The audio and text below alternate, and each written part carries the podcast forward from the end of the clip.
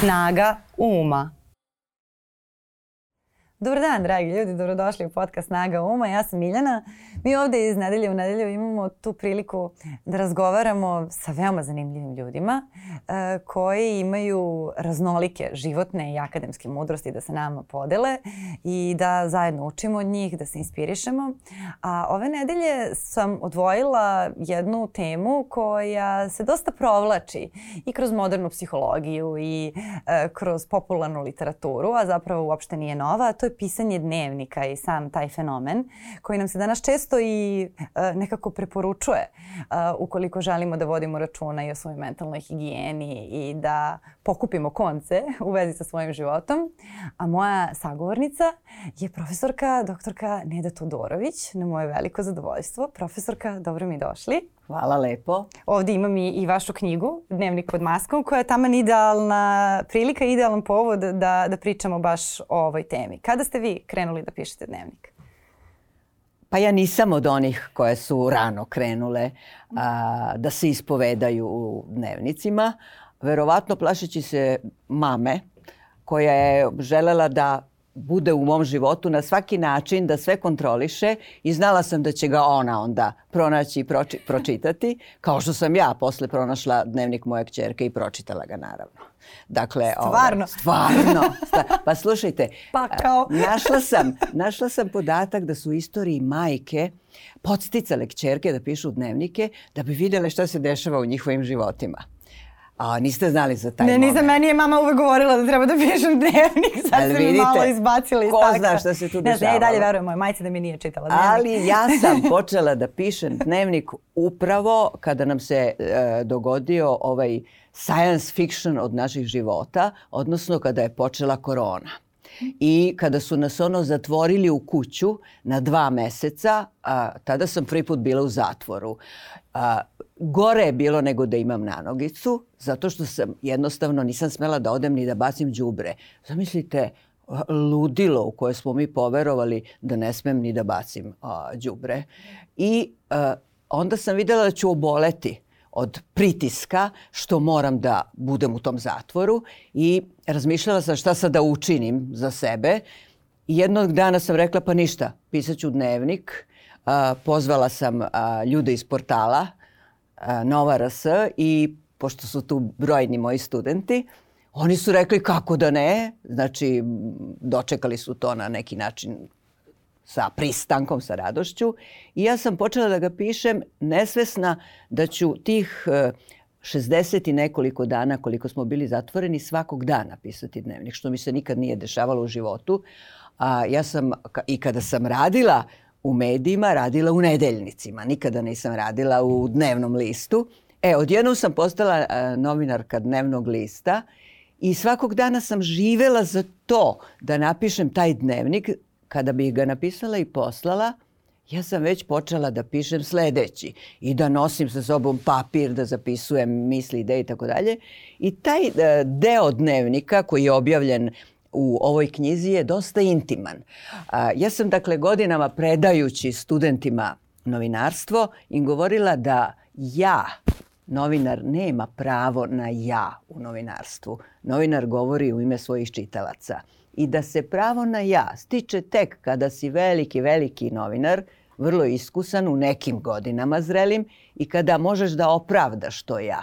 Dakle, ja sam sebi onda dala to pravo na ja i tu ima dosta a, privatnih, intimnih momenata iz a, tog vremena, onoga što smo Zdravko i ja zatvoreni, a, dakle u kući u to vreme, a, radili, izgovarali, situacije gde vam je došlo da ubijete nekoga s kim živite, jer ne možete više da, da gledate istu osobu toliko vremena i ista četiri zida toliko vremena.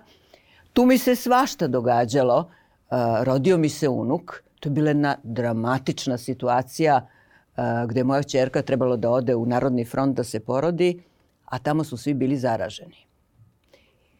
I sad treba biti mama te mlade žene koja treba da se porodi I onda, smo, onda sam se raspitala kod svih mogućih lekara koje sam poznavala po Beogradu i svi su mi rekli da ode u privatnu kliniku što je uradila, što smo mi platili naravno hiljadama evra jer je bilo u pitanje života i smrti, nje i deteta.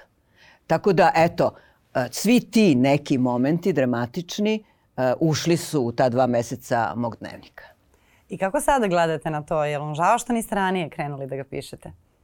Pa taman sam verovatno sazrela a, do tog ja, zato što ovaj, sve što sam pre toga pisala, vrlo sam izbegavala ja. Čak i kada su bili lični stavovi, postoje drugi načini da kažete ja. I e, vrlo mi je prijalo to na neki način. Kao da me ta maska, jer knjiga se zove Dnevnik pod maskom, i ja sam na naslovnoj strani imam masku, kao da me ona čuvala od nečega i onda se prosto otvorilo jedno potpuno novo polje i ja sam postala na neki način i politička novinarka, što nisam bila a, ranije u životu. Ja sam u jednom momentu bila urednica ženskog lista, bazara.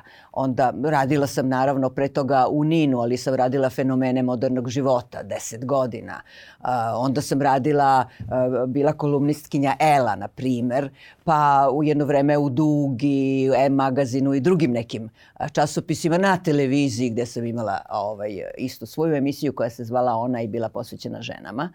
Dakle, ovaj, ali sve to je bilo uh, iz pozadine, ako tako mogu da kažem, recimo u toj mojoj emisiji ja se skoro da se nisam slikala. Slikala sam svoje sagovornike, a ja sebe samo a, sa leđa.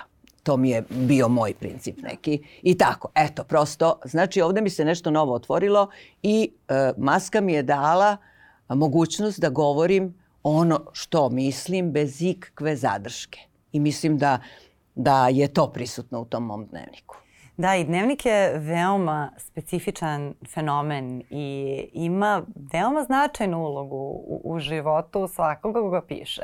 Mislim da svako ko piše dnevnik uh, bi mogao da ispriča veoma intimnu i veoma specifičnu priču baš u vezi sa tim tekstom, jer je, mislim, on ima i psihološko dejstvo veoma značajno. To je neki naš prostor introspekcije. Uh, Za dnevnik se kaže da je jedini način na koji možemo da objasnimo svoj život sebi. I sada tu e, naravno postoje različite tumačenja ukoliko ga pišemo za objavljivanje, da li onda imamo taj mali glasić u glavi e, koji je ipak publika, koji je ipak e, taj, tu da nam govori ovo je neprihvatljivo, ovo je prihvatljivo, misliće o meni ovo ili ono, ili kada ga baš pišemo samo za sebe i kada je on neki onako duboko, duboko intimni čin. Kao što recimo moj dnevnik. Moj dnevnik je potpuno nešto, nikad ne bih mogla da zamislim da se, da se objavi jer ga pišem baš od malih nogu. Mislim da pišem dnevnik od kad sam naučila da pišem. Ja ću vas nagovoriti da ga objavite, nikad nemojte reći nikad u životu ni za šta. A, to bi bilo vrlo zanimljivo ako imate toliki raspon da. godina i ako se baš vidi kako neko sazreva. A, ja kažem kako je strašna šteta što sve ove žene koje su sada a, se prijavile ili pojavile u ovoj akciji nisam prijavila, zamislite da su one pisale dnevnike. Zamislite da sada imamo te dnevnike i da sada imamo ta autentična a, tumačenja, autentične informacije o tome šta se tačno njima u pojedinom momentu događalo. To bi bilo vredno kao dokument. I kako su se osjećale? Naravno. Znači, mislim da je prosto propuštena prilika. Jako je dobro pisati dnevnik, jako je zdravo. U, u, u mom slučaju, dakle, mislim da sam preživela ovo zatvaranje i da sam ostala relativno zdrava i da nisam dobila depresiju zato što sam mogla da izbacim iz sebe sve ono što osjećam i bes i ljutnju i neki smeh na sobstveni račun i na tuđi račun i ono što su mi prijatelji poverljivo saopštavali pa sam mogla u dnevniku da upotrebim. Znači hiljadu nekih stvari koje inače ne bih. Znači to jeste jedna brana koja se otvori i vi zapravo kada pišete dnevnik kao da ga pišete za sebe, a on ipak dolazi do drugih ljudi i meni su dragocene reakcije i sad vidim da možda u velikoj meri e, e, me podstiču da nastavim uopšte s tim reakcije drugih ljudi jer ja ga objavim i na mom Facebooku i onda mi ljudi svašta napišu tim povodom što je jako zanimljivo. Prosto imam različite reakcije što u novinarstvu nemate u toj meri. Jel? Pa zato što ljudi reaguju na iskrenost.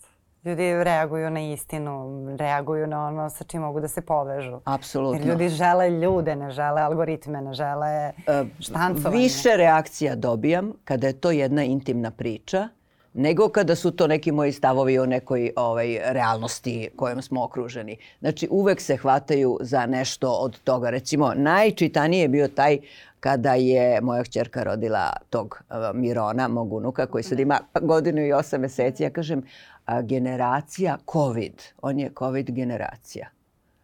Zamislite to. Da.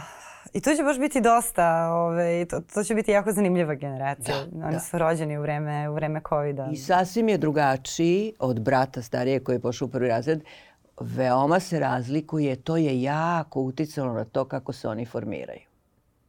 Tako da vidim ogromnu razliku. Da. I, a što se tiče dnevnika, da li ste istraživali, pošto pretpostavljam da jeste kada ste već e, rešili da, da objavite dnevnik, e, da li ste istraživali fenomenologiju dnevnika i otkrili neke stvari koje niste znali? Zato što svi mi znamo za, za dnevnike velikih ljudi koji su kasnije objavljivani. Znamo da je to neka praksa koja datira i nekoliko stotina godina i da je to prosto bio neki način na koji su ljudi, žene, čak i češće žene u jednom periodu ovaj, prosto pronalazile svoj glas. A ja sam naravno malo izučavala te istorijat.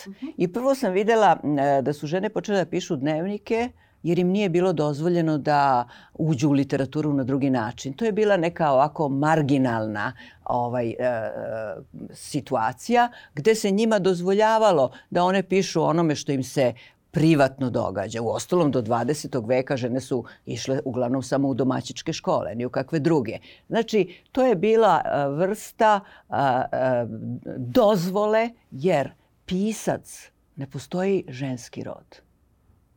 Znate, jednostavno, mi sad izvodimo termin spisateljica, autorka, ali nema... Ja koristim književnica. Pa, Da, ali to književnica. opet nije Ali- svako ko piše. Da. Znači, pisac nema ženski rod, znači to je bilo nešto gde je ovaj, bilo zabranjen ulazak i onda je otprilike, žene su mogle da pišu recepte, znači knjige kuvare, znači mogle su da pišu lirsku poeziju i a, ljubavna pisma. I onda im je na neki način eto bilo dozvoljeno da pišu te dnevnike. Veliki broj dnevnika nikada nije ni pronađen. Ili su uništeni, ili su sakriveni na nekim tavanima, pa posle nekoliko stotina godina je neko od porodice slučajno pronašao takve dnevnike. To, mislim, lepe su priče o tome. A iz toga su kasnije uh, izašle autobiografije ženske, jer i to ima dodirnu tačku, pa onda ta ispovedna literatura koja je negde 70-ih bila jako, jako popularna, gde smo mi, moja generacija recimo, obožavala tu Eriku Jong koja je pisala ono što se njoj događalo i što ima veze sa dnevnikom i mnoge druge autorke. Sada sam pre izvesnog vremena videla dnevnik Susan Sontag, koja ona je godinama pisala, imala je brojne ovaj, sveske ispisane i nikada nije želela to da objavi, nego je to ostavila nekom univerzitetu. Ali je njen sin, srećom, uzeo to i objavio je. Objavljuje sad već treći tom tih njenih eh, zapisa i ona je od 17. godine pisala, a, dobro, vi ste mnogo ranije, dnevnike i to je jako, jako zanimljivo štivo, jer mi je to toliko godina posle njene smrti takve velike ličnosti, žene koja predstavlja vrh nekog intelektualnog krema svetskog, ako tako mogu da kažem, vidimo kako je ona razmišljala, kako se ponašala u pojedinim situacijama, taj njen LGBT status koji je u to vreme bio nešto što nije bilo baš tako jednostavno saopštavati i tako dalje. Dakle, mislim da je to dragoceno uh, u smislu uh, pokazatelja kako je drugo, izgledalo društvo u to vreme, uh, šta je bilo normalno, šta se smatralo za nenormalno i tako dalje. Prosto nešto dragoceno. Onda znam recimo uh, u nekom momentu sam videla da je u Francuskoj su objavljeni dnevnici Ana i Snin, a o njenom životu je snimljeni film i tako dalje, gde je ona u stvari zabranila da se ti dnevnici objave, tek a, je dala dozvolu a, 50 godina posle njene smrti. jer su bili a, vrlo slobodno pisani, bilo je delova lascivnih, ako tako mogu da kažem, mnogo poznatih ličnosti je prošlo kroz njene dnevnike i kroz njenu spavaću sobu. I a, a, znam da i ovde su objavljeni u jednom momentu i znam da smo mi to onako čekali sa velikim interesovanjem a, da vidimo kako će to izgledati naravno. Dakle, to je vrlo zanimljiva vrsta literature. A, mnoge poznate spisateljice su pisale dnevnike i meni je to jako zanimljivo. Ja sam inače neko ko a, a, nedeljno kupuje jedno dve do tri knjige i čitam ih i to me isto spaslo sad u ovim vremenima za ove dve godine gde skoro da ne možete nigde da idete. E, I primetila sam da uglavnom čitam žensku literaturu, e, ženske autorke, mnogo rađe kupujem nego muškarce, ne znam zašto, jer prosto muškarci su napisali svu tu klasiku, ali to smo absolvirali. I da. kada, kada nekoga pitate, pa šta čitate, a on sad počne u nekim zrelim godinama da kaže da čita klasiku, meni to smešno, E, mislim da... Razumem to, da. Mislim da, da je on to davno pročitao, pa sad prosto sad navodi, jer sad ne čita ništa. Ja čitam sve novo što se pojavi, jako pratim ovaj, sve i to mi jako prija. I šta? A, vidim da su ponovo biografije nešto što se mnogo piše i što se mnogo čita i da ima mnogo ispovedne literature što mi je i potpuno objašnjivo, jasno. Pa šta je šokantnije? Šta mi to možemo da izmaštamo, a da bude čudnije, strašnije, smešnije od ovog što nam se trenutno događa? Da, i šta je istin, Ta realnost, istina, da. ona je mnogo više naučna fantastika nego ono što mi možemo i da zamislimo. Da, i življa je, bliža nam je. Naravno, Prosto naravno. na drugačiji ćemo je način percipirati, naročito kad je ona dobro predstavljena, kada, kada nije pisana iz pozicije neke egomanije ili samo promocije, nego kada je zaista, da, ovo je moj život, ovo su moje nesigurnosti i onda potpuno vi sa svakom novom biografijom, a, naročito autobiografijom koju pročitate, kad je dobra, steknete jako dobru, blisku osobu. Imate osjećaj da imate novog prijatelja Evo, imam koji vam je rekao primer, sve. Da, da, da, da, imam primer za to. Znači, mislim da je ovo verovatno prva knjiga koja je objavljena kod nas uh, o COVID-u, ova da. vrsta knjige.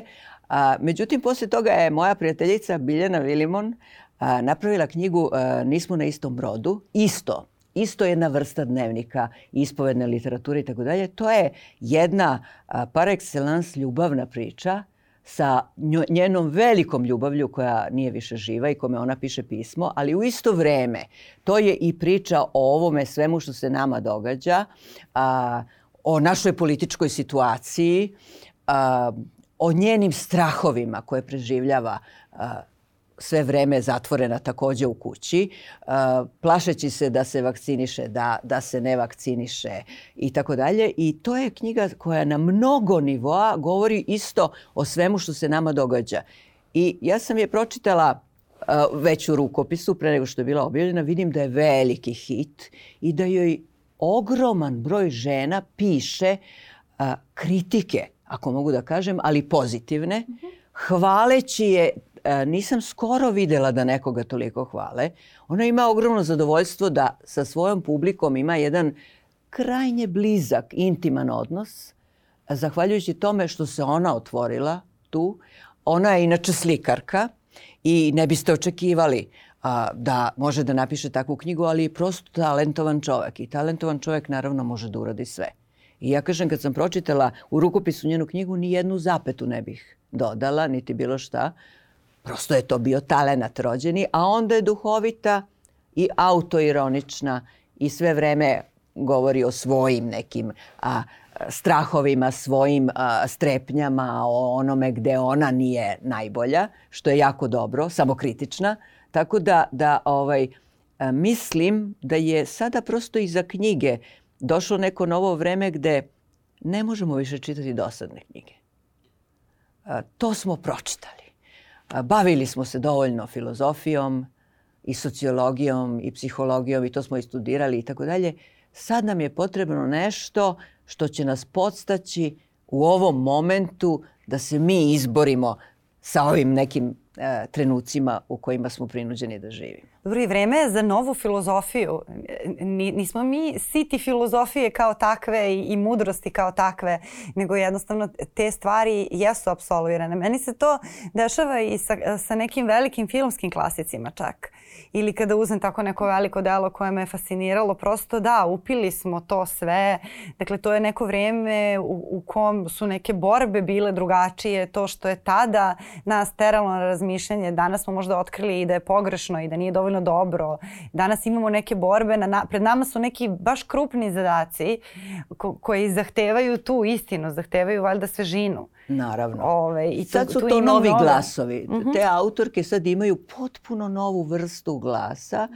Uh, Pa to jeste da, evo pogledajte na svim planovima sad žene prosto počinju da govore one stvari koje ranije ne bi smele. U ranijoj generaciji mnogi od tih stvari, zato se sad nama dešava ovo a, nisam prijavila, da. jer to je bilo prohib, e, pro, prohibovano. U prethodnoj generaciji vi niste smeli da kažete da se vama desilo nešto neprijatno a gotovo da nema žene koje se nije nešto neprijatno nekada dogodilo sa nekim koga zna ili sa nekim koga ne poznaje u, u autobusu, jel? Na primer, hiljadu puta vi doživljavate neprijatne situacije. Ali vi ih na neki način gurate jer uh, kao ko će sad to da sluša, ko će da stane iza mene, ko će tu da nešto preduzme. Evo to ide do dan danas da izvesni poslanici sebi daju za pravo da kritikuju žene koje su se posle dve, tri ili ne znam koliko decenija usudile da ispričaju negativno iskustvo, oni to uh, kritikuju zalažući se uh, navodno za patrijarhalnu porodicu. Šta? Patrijarhalna porodica je porodica u kojoj može da postoji nasilje o kome ne sme da se govori. To onda ja tako tumačim. Mislim... Mi imamo poslanika konkretno koji uh, veći deo svog javnog nastupa usmerava ka tome da se zalaže isključivo za interese nasilnika u ovoj zemlji. Dakle, on javno na televizijama, u skupštini i tako dalje e, ponavlja i izgovara sve one stvari koje govore nasilnici svojim suprugama, koje govore javno. Dakle, to su sve te iste floskule. Dakle, mi imamo predstavnika jedne interesne grupe koja se zove Nasilnici Srbije u skupštini i to je veoma, veoma simptomatično i ne znam kako kako nam to sve još uvek prolazi da, da, da zaista, da mi imamo u parlamentu, nama sedi čovek koji se javno zastupa za interese nasilnika i kao da šta, šta, mi, šta ceo, mi radimo po tom pitanju. Za vama nije ceo parlament nasilan. Jeste, da, ali ovo je baš specifično specifično nekako je, je, je ogoljeno. Bukvalno kao što imate Ali sve je senatore ogoljeno. koji dođu i kažu u mojoj zemlji moji ne znam imaju problem sa vodom, tako ovaj kaže dobar dan, nasilnici u Srbiji žele to, to, Čekajte, to i to. ali Amerika je imala do, do, do skora predsednika koga je više žena optužilo Absolut. za nasilje, to je bilo normalno. A to je bilo i u ranijim situacijama sa nekim ranijim predsednicima. Poznate su te situacije, o tome snimljeni filmovi, napisane knjige i tako dalje, je li tako? Jeste, da. Znači, to je e, smatrano normalnim, ali mislim da je sad došao trenutak da više nije normalno i da se sad prosto lome te predrasude, odnosno takvi stavovi i da to više, Boga mi, neće moći baš tako da prolazi, da će sad uskoro možda, ako ne naša, ali sledeća generacija vrlo otvoreno govoriti istog sekunda kad im se nešto dogodi i da, da su, eto, prosto porušene te neke stare barijere, a možda je to došlo sa ovim gde smo svi ugroženi bili životno, pa smo rekli vidi, pa šta drugo je važno, mogu sad da uradim sve ja sutra možda neću biti ni zdrava, a ni živa. I onda najbolje da danas uradim sve što bi trebalo da uradim.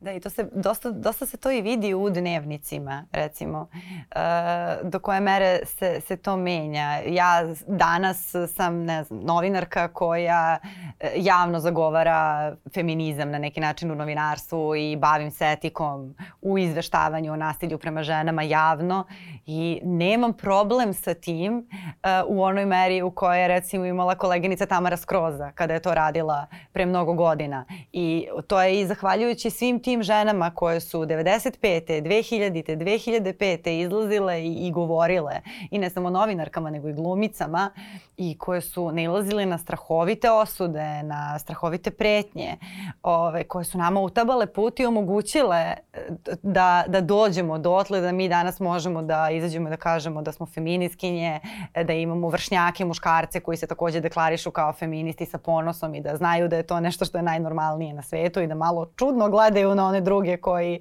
se ne deklarišu tako. To je, e, mislim, plod jedne velike borbe i mi smo svi svesni tih nekih žena koje su pre nas uh, Ali ove, ne samo žena. Sve te stvari Slušajte, nosile. Neko da. mora da progovori i u ime maltretiranih muškaraca. Da, da, apsolutno. Tako, kolege. Da. A, pošto i toga ima. Pa naravno ima mnogo maltretiranih muškaraca i mnogo žena koje a, maltretiraju i na poslu. Pa imali smo onaj film sa Michael Douglasom. Fatalna privlačnost. Jeste, fatalna privlačnost. Pa čekajte, to nije redka situacija. Pa da, nije redka situacija, ali e, nije sistemski problem. Kao, u, u tom kontekstu, kao i statistički kada se gleda... Pazite, oni će, uh, oni će teže prijaviti jer se stide više toga što im se dogodilo nego žene. Tako da ja mislim da ima i toga i da će i to kad tad isplivati. Vi imate mnogo zanimljivih, atraktivnih muškaraca, ima mnogo prijatelja koji mi kažu, slušaj, pa ti ne znaš šta sam ja trpeo u, u mladosti, koju vrstu pritiska, koju vrstu neprijatnosti ako sam odbio neku ženu koja je pa da, samo da mi što njemu nikada život nije bio ugrožen zato što ona njega nije mogla da zadavi s jedno, jednom rukom kao što... Da, uh, dobro, sad govorimo o onim, da, da, da onim. Ali u tome je razlika generalno između sistemskog problema i pojedinačnog. Da, i, i mislim, mi kad se borimo protiv nasilja u društvu, za jedno društvo u kom će nasilje biti iskorenjeno, onda to kači sve. Ali kao, uh, ako govorimo o nasilnicima, čak i nenasilni muškarci, mnogo veće probleme imaju zbog nasilnika u svom naravno, društvu, zbog naravno. raznoraznih jutki i slično jasno, koji su jasno. bahati i koji se ne iživljavaju samo na ženama, nego se iživljavaju i na muškarcima u odnosu na koje naravno. su e, znate, u nekoj poziciji moći. Kad žene I to ubijaju, je onda sistemski. znate kad žene ubijaju? To ne znam, to su, ubijaju, ali ja ne volim da generalizujem. Ubijaju uh, svoje partnere kada da. im prevrši, ovaj, prosto kad ne mogu više da trpe ono što se događa u kući. I tada žena uzima oružje i ubija nasilnika. Znači, Radila sam takvu, takvu priču. To, to su, mislim, to su veoma, veoma ovaj, kompleksni odnosi i to se često dešava posle dugogodišnjeg nasilja i svega i nereagovanja okoline. Žena inače ne ubija. Da, Ali ubija u toj situaciji. Ove, to, je, to je baš onako da kažem, dosta je, ne bih voljela da se samo zakačimo te teme jer je da. ona dosta duboka naravno, i dosta kompleksna. Naravno. A, a i naravno ne sme se tu ni generalizovati zato što naravno ima svačega. Nego da se vratimo mi na našu, na našu ovaj, priču. Ove, ako, se, ako se slažete što se, što se toga tiče. Um, ja sam pre nego što smo pre nego što smo se našle danas baš uzela i sagledala svoj dnevnik. I rekla sam vam da, da ga pišem baš od, mislim da malo te ne od kad sam naučila da pišem, ja sam pisala dnevnik, tako da on bukvalno počinje nekim tekstovima koji su onako bukvalno jedva napisani, da, da rečenica nema tok, jer ja još uvek ni ne znam lepo slova, pa onako svako slovo malte ne crtam. I onda se, i onda se taj dnevnik razvija u, ne znam, u nekom petom, šestom razredu, su to neki moji stavovi o životu, neke moje projekcije za budućnost, e, koje su tako precizne, tako rešene, tako sam ja sve u tom trenutku svog života znala da sam, ne znam, dok sam to čitala, pomislila sam, bože da mi je ova osoba i da mi je ova rešenost. I onda kako, kako, kako rastemo, valjda, kako, kako učimo. Uh, u tom dnevniku je sve više bilo pitanja, sve više bilo dilema nego, nego tih tako jasnih stavova. Iako su sve te neke projekcije koje sam u suštini zacrtavala uh, se na kraju i ostvarila i zaista jeste tako bilo. Nisam me tu ništa mnogo ni, ni mašila, ali je strašno zanimljivo sagledati sebe na taj način. Jer to zaista jeste neka istorija naših razmišljanja i prava hronika našeg života. A, a s druge strane mi, mi danas imamo i društvene mreže koje su takođe hroničare. Recimo Facebook postoji već više od 10 godina i ona sada podsjeća ovaj, kroz fotografije, kroz sve na neka naša prijateljstva i tako dalje. Ljudi pišu dnevnike nevidljivim mastilom. Da, ali sa društvenim mrežama je taj problem što su društvene mreže ipak nešto što mi u datom trenutku želimo da predstavimo drugima. I što se na društvenim mrežama smemo i kada nam se ne smeje i što kačimo fotografije da bi neko video da smo lepo raspoloženi čak i kad se raspadamo ili kad smo neraspoloženi i tako dalje. I onda je to malo onako ne znam, pokušala sam da napravim paralelu između toga šta naučim o sebi kada uzmem da čitam dnevnik a šta vidim kada pogledam Facebook. I brine me da ukoliko se potpuno odvojimo od samog tog pisanja dnevnika koje je samo za sebe, dakle zapisivanja sobstvene istine i ako se oslonimo na hroniku kroz društvene mreže, da, da će to zapravo imati jedan kontraefekat. Jer to je kao ona istorija koju pišu pobednici. E, to nismo mi, ne možemo ni da sagledamo svoj rast na pravi način kroz to. Pa u pravu ste, e, čitajući dnevnike, recimo Doris Lessing, Nobelovka. Ona je imala nekoliko svezaka dnevnika i onda ih je e, sklopila u tu zlatnu beležnicu, njenu čuvenu knjigu. I vidite upravo taj rast. Vidite, a, a, možete da pratite tu promenu. A, možete da pratite kako se a, jedna ličnost uklapa u određeno društvo. Možete različite situacije prosto da sagledate realno, jer i ona nisam sigurna da je mislila da će to ikada objaviti, a onda je na kraju napravila tu svoju čuvenu knjigu. Tako da uh, vi ste u pravu, to što se dešava na društvenim mrežama nije iskreno na onaj način na koji su dnevnici iskreni, uh, jer zaista mi se tu predstavljamo na bolji način. Recimo, da li ste primetili koliko lajkova dobijete na neku bilo kakvu svoju fotografiju i koliko je to mnogo više nego na bilo koji mali tekst koji napišete. Da. Znači, ljudi površno žele da vide sliku nečega što ste okačili, a ne interesuje ih previše da pročitaju to što ste napisali. Znači, evo tu pokazuje se na koji način publika reaguje. Međutim, mene baš privlače uh, ovi dnevnici tih poznatih ličnosti zato što ne samo da ima taj moment identifikacije gde prepoznate neke situacije kroz koje ste i sami nekad negde prošli, nego mislim da, da je to slikanje sredine i momenta uh, o kome se radi uh, mnogo iskrenije nego ono koje na, na, nalazimo u fiktivnoj literaturi. Jeste. U fikciji. I to je, um, stvar sa dnevnikom jeste što je on apsolutno poklon. Dakle, ja vama poklanjam neke svoje misli i svoje lekcije zato što želim da vam ih poklonim. A uh, kod većine tih statusa ili fotografija, naročito tih selfija, uh, verovatno na podsnesnom nivou ljudi to kače zato što žele te lajkove. I to je bukvalno kao kada izađete na scenu i stanete i čekate da ljudi tapšu. I ljudi tapšu. Jer, jer ja sam došla i meni treba pažnja. Ja sam došla, okačila sam ovu fotografiju. Draga gospodo, meni treba pažnja. Hoćete li molim vas lajkovati? I vi sada vidite da meni treba pažnja. Vi ćete da lajkujete jer sam vam simpatična. I to tako ide. I to sada nije ništa sad kao ni nemoralno, nije ni jadno, ni ništa. Mislim da se to jednostavno dešava po nekom automatizmu. E, nekada to ljudi kače jer im svesno treba pažnja, nekad kače zato što žele da održavaju svoje algoritme, ali to se tako nekako vuče, to posta, postalo je kao neki uh, komunikološki manir koji se uspostavio i ide ispod komunikacije. Vi ujutru prvo pogledate šta ste dobili? Uh, Nažalost. Iako ne, sam učila, imala sam faze kad sam ali, rekla nećeš pa dok ne doručkuješ i ne popiješ kafu, gledati telefon. Ali svi pogledamo uvek. prvo to. Da pa onda nastavimo uh, sa svojim normalnim danom. Tako da, da to je istina. Ali dobro, i to će proći. I to je nešto što, pre svega tu ima mnogo džubreta. Na internetu ima previše đubreta. Uh, mislim da je sve ovo što je lažna vest, što je post istina i tako dalje, tu nastalo. Uh, jer uh, u prethodnoj fazi vi ste ipak imali urednike koji nisu dozvoljavali da bilo šta bude objavljeno ako to nije na nekom nivou, ako to nema nekog smisla. Ovde sad ne postoji uh, granica i sad svako, ja kažem, mislim ružno je, ali svaka budala može da iznosi svoje mišljenje koje nekad je potresno glupo, a, nekada zavodi neke ljude da i oni krenu za vama ako iznosite takve neke gluposti i tako dalje. I sad vi prosto tu više nemate, e, nema zadrške, nema, nema pristojnosti. Pogledajte vi jezik kojim se a, ti mladi ljudi, uglavnom su mladi, obraćaju na društvenim mrežama.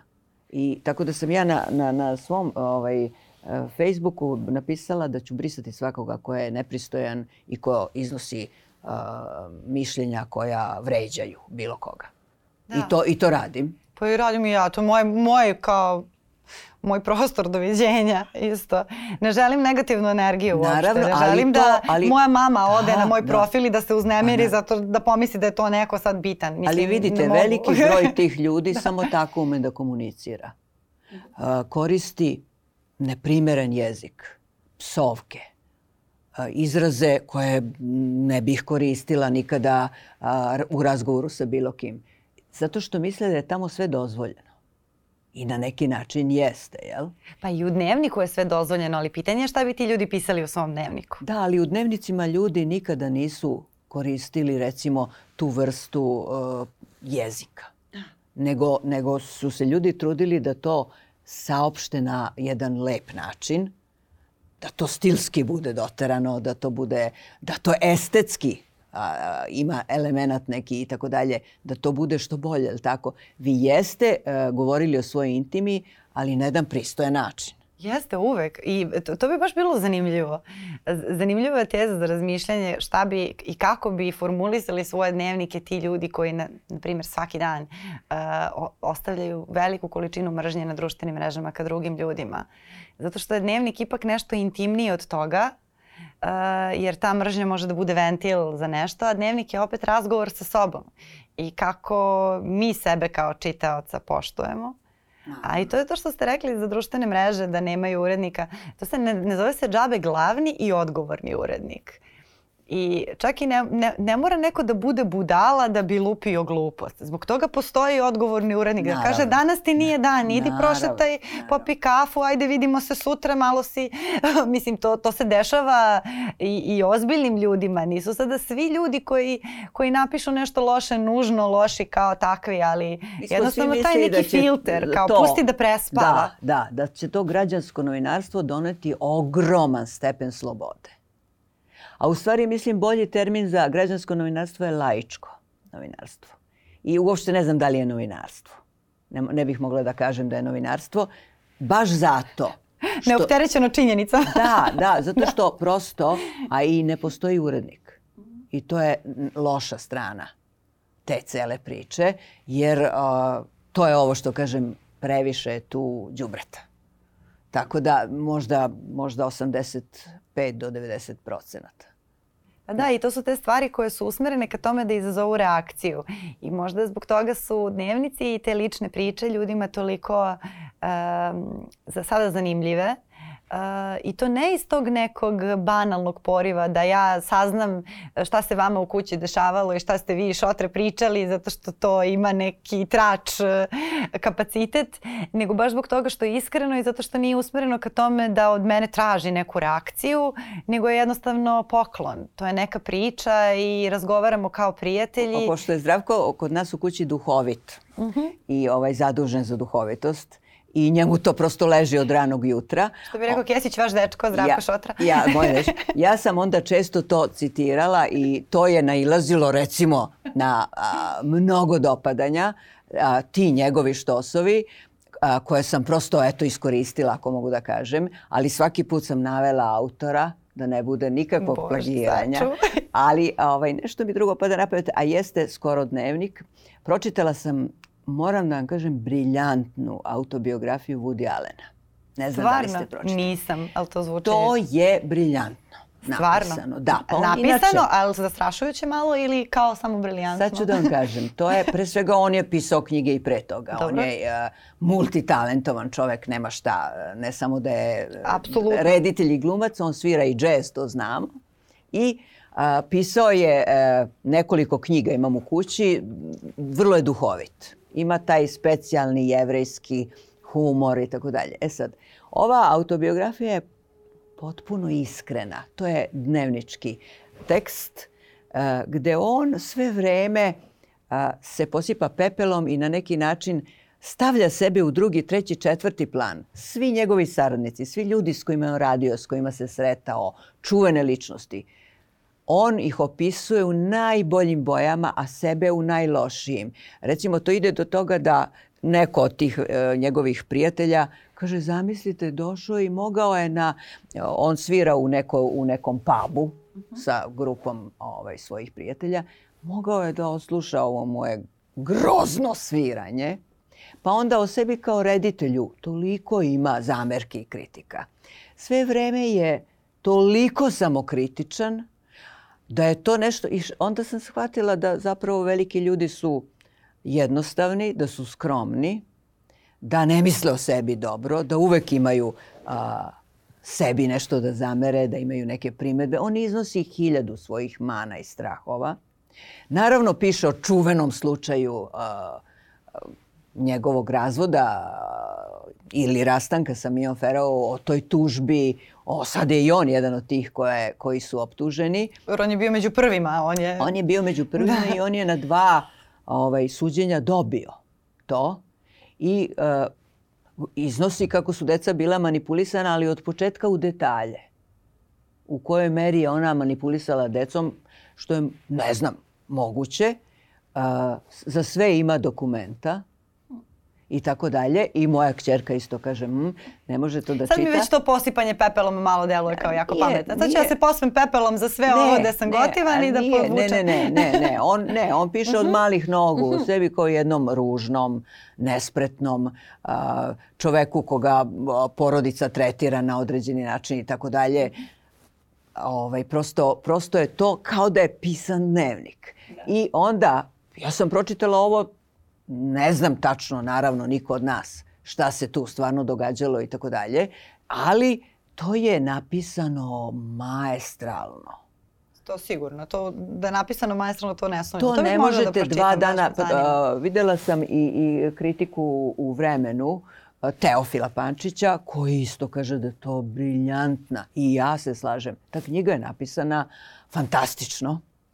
Uh, dva dana nisam ispustila iz ruku tu ima na hiljade ljudi o kojima on piše i što kaže e, Teofil u kritici i ne smeta vam nikad ne znate koji su to ljudi, toliko su zanimljivo opisani. Da. To je kao njegovi filmovi negde. Tako da je strašno slikovito i sve u slikama i svaku tu sliku doživite. Tako da, kažem vam, eto, opet nešto gde je neko pisao u prvom licu jednine, gde je neko onako istresao čitavu utrobu njemu su se grozne stvari isto dogodile, ne znam kako je preživeo to sve, kako su preživjeli i ti drugi isto tako. Ne, ne možemo da sudimo, niti treba da sudimo, ali ovaj, pročitala sam to. E, kao, kao što sam pročitala jednu opet sličnu knjigu e, Camille Kušner, Familija Grande. To je Kušnerova čerka, ovog da, da. čuvenog koja je živela sa majkom i očuhom, koji je njenog e, brata, blizanca, zlostavljao seksualno i na drugi način u detinstvu. I oni to nikada, ona je to znala u jednom momentu, sebi ne može da oprosti što to nikada nije saopštila. Ona je sad čuvena sudija, radi u pravosuđu francuskom, a očuh je čuvena ličnost profesor fakulteta, poslanik, veliki poznati intelektualac. I sad ta priča isplivava u detalje. I, I moram vam reći, isto je toliko zanimljiva. To je strašno važno. To je tako sjajno, briljantno napisano. A, to je ta a, vrhunska intelektualna sredina francuska u kojoj mnoge ličnosti znamo kao, kao pisce, kao intelektualce, kao profesore univerziteta i tako dalje, kao naučnike i svi su oni tu i to se dešava u toj kući gde su svi ti ljudi prolaze masovno, ovaj, svi ti ljudi kroz tu kuću, to se dešava u to vreme, a da niko ne zna i autorka se leči godinama od tog saznanja. Na kraju nekako dobije pristanak brata da oni to prvo kažu majici, a onda da kažu javnosti i ona piše tu knjigu koja je u Francuskoj hit. Cela Francuska to čita, a Očuh, taj čuveni intelektualac, podnosi ostavku na sve u čemu je i doživljava krah, ali posle više decenija.